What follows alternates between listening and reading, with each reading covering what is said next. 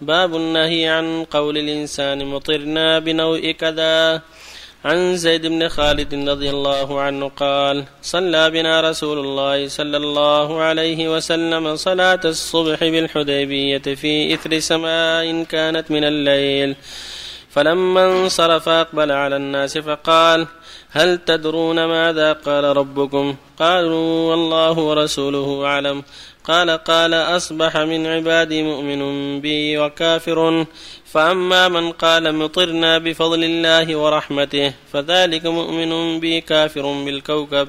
وأما من قال مطرنا بنوي كذا وكذا فذلك كافر بي مؤمن بالكوكب. متفق عليه.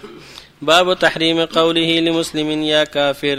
عن ابن عمر رضي الله عنهما قال قال رسول الله صلى الله عليه وسلم إذا قال الرجل لأخيه يا كافر فقد باء بها أحدهما فإن كان كما قال وإلا رجعت عليه متفق عليه.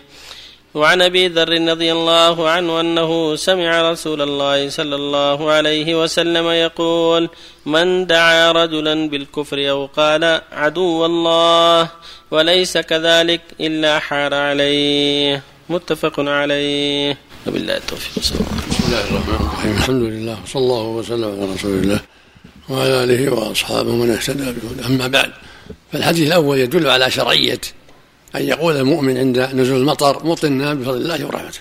هذا هو المشروع عند نزول الأمطار. يقول المؤمن مطرنا بفضل الله ورحمته.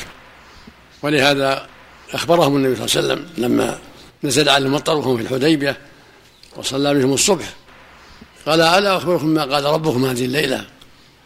إنه قال جل وعلا من قال مطرنا بفضل الله ورحمته فذلك مؤمن بك كافر بالكوكب وأما من قال مطنا بنوع كذا وكذا فذلك كافر بمؤمن بالكوكب. هذا يدل على أن ينبغي عند نزول الأمطار أن تنسب النعم إلى الله سبحانه وتعالى. لأنه هو الذي نزل المطر ويسره. فيقول المؤمن مطرنا بفضل الله ورحمته. اللهم اجعله صيبا نافعا. كان النبي يقول إذا نزل المطر اللهم صيبا نافعا. الصيب النازل يعني اللهم اجعله نازلا نافعا للمسلمين. وكان إذا نزل المطر حسن ثوبه حتى يصيبه المطر. ولا يجوز أن يقال مطرنا بنجم كذا أو بنوع كذا لأن هذه نسبة للنجوم والنجوم ليس لها تأثير وليس لها عمل إنما هي زينة للسماء ورجوم للشياطين وعلامات يهتدى بها فليس لها تصرف في شيء. فلا يجوز أن يقال مطرنا بنوع كذا أو سقنا بنوع كذا أو بنجم كذا هذا لا يجوز. أما لو قالوا سقنا في الوسم في الشتاء في الصيف يخبر عن الوقت لا بأس. أما سقينا بنجم كذا أو وطنا بنجم كذا هذا لا يجوز. لأن نسبة إلى النجم والنجم ليس له تصرف فلهذا سماه النبي كفرا. ويستحب أن يقول مطرنا بفضل الله ورحمته. اللهم صيبا نافعا ولا يجوز الإنسان أن يقول لأخيه يا كافر أو يا عدو الله لا يجوز لا يقول كلام. لأنه إذا قال لها يا كافر وليس كذلك رجع إليه كلامه. أو قال يا عدو الله أو يا فاسق أو يا خبيث رجع إليه كلامه إذا كان صاحبه ليس أهلا لذلك. ولهذا يقول صلى الله عليه وسلم إذا قال الرجل لأخيه يا كافر فقد باء بها أحدهما. يعني إن كان المقول له كافر وإلا رجعت إلى القائل. وهكذا يقول يا عدو الله أو يا كافر أو يا خبيث أو يا فاسق أو يا منافق لا يقول لأخيه ذلك. لأنه إذا قال له هذا كلامه ليس أهلا لذلك رجع إليه. وصار هو الذي سب نفسه وهو حقيق بهذا الوصف. لكن من كان كافرا يقال له كافر. أما أن يسب أخاه اذا غضب عليه يقول يا كافر أو يا عدو الله أو يا فاس من أجل غضبه عليه؟ هذا غلط ما يجوز. هذا السب يرجع إليه هو ويكون هو هو الجدير بهذا وهو الآثم بهذا نسأل الله العافية. فالواجب على المؤمن أن يتوقع شر اللسان. اللسان هذا خطير. فالواجب على المسلم أن يتوقع شر لسانه ويحفظ ولهذا يقول صلى الله عليه وسلم من كان يؤمن بالله واليوم الآخر فليقول خيرا أو ليصمت. ويقول عليه الصلاة والسلام إن الرجل لا يتكلم بكلمة من سخط الله ما يتبين فيها يعني ما يتثبت فيها يكتب الله له بها سخطه إلى يوم القيامة. وفي اللفظ الآخر إن الرجل لا يتكلم بكلمة ما يلقي لها بالا يعني خبيثة يزل بها في النار أبعد ما بين المشرق والمغرب. فالواجب توقي شر اللسان. والحذر من شر اللسان.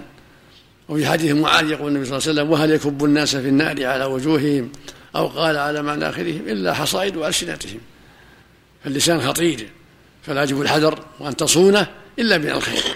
إما أن تقول خيرا وإما أن تحفظ لسانك حتى لا تقع في الشر.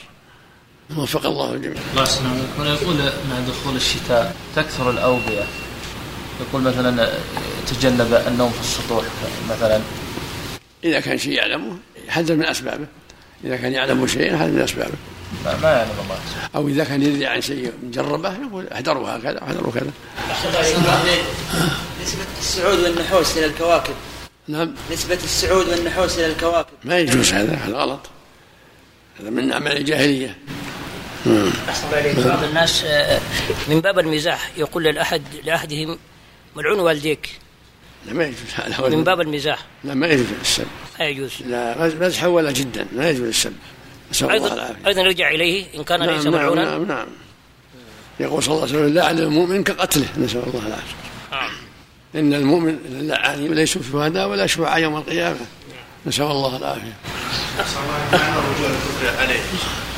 يعني يكون أحق بهذا الوصف. يكون هو الكافر هو وهو عدو الله هو. الله بالنسبة لسجود التلاوة ما كيفيتها؟ مثل سجود الصلاة. نعم. مثل سجود الصلاة. هل سبحان ربي أعلى سبحان ربي أعلى سبحان هل- الله. تدعو فيه. هل فيها تكبيرة؟ عند عندما يريد في أن الصلاة يكبر عند السجود وعند الرفع أما خارج الصلاة يكبر عند السجود بس. أما ورد في التلاوة التكبير عند السجود. أما والرفع- ما ورد في شيء. أما التلاوة ما فيها سلام أيضا؟ سلام. فيها داخل الصلاة ما في شيء. يكبر بس عند السجود فقط. عند السجود يرفع من فقط بالقراءة من دون سلام ومن دون تكبير. أما وأيضا في الس- في الصلاة يسجد عند الخوف يكبر عند الخوف ويكبر عند الرفع مثل سجود الصلاة إذا كان في داخل الصلاة. نعم. أيضا س- سجود الشكر كمثل مثل الصلاة. مثل سجود الصلاة. جزاك, مثل سجود التلاوة. جزاك الله خيرا. أحسن الله إليك يا شيخ. هل يجوز أن يقال من يتعامل بالربا يا عدو الله؟ لا تقول له اتق الله تقول اتق الله اتق الله واحذر. راقب الله واحذر. هذا لا يجوز. بالنسبة لهذه السجدات آه، التلاوة والشكر ما حكمه؟ مستحب مستحب. مستحب. نعم.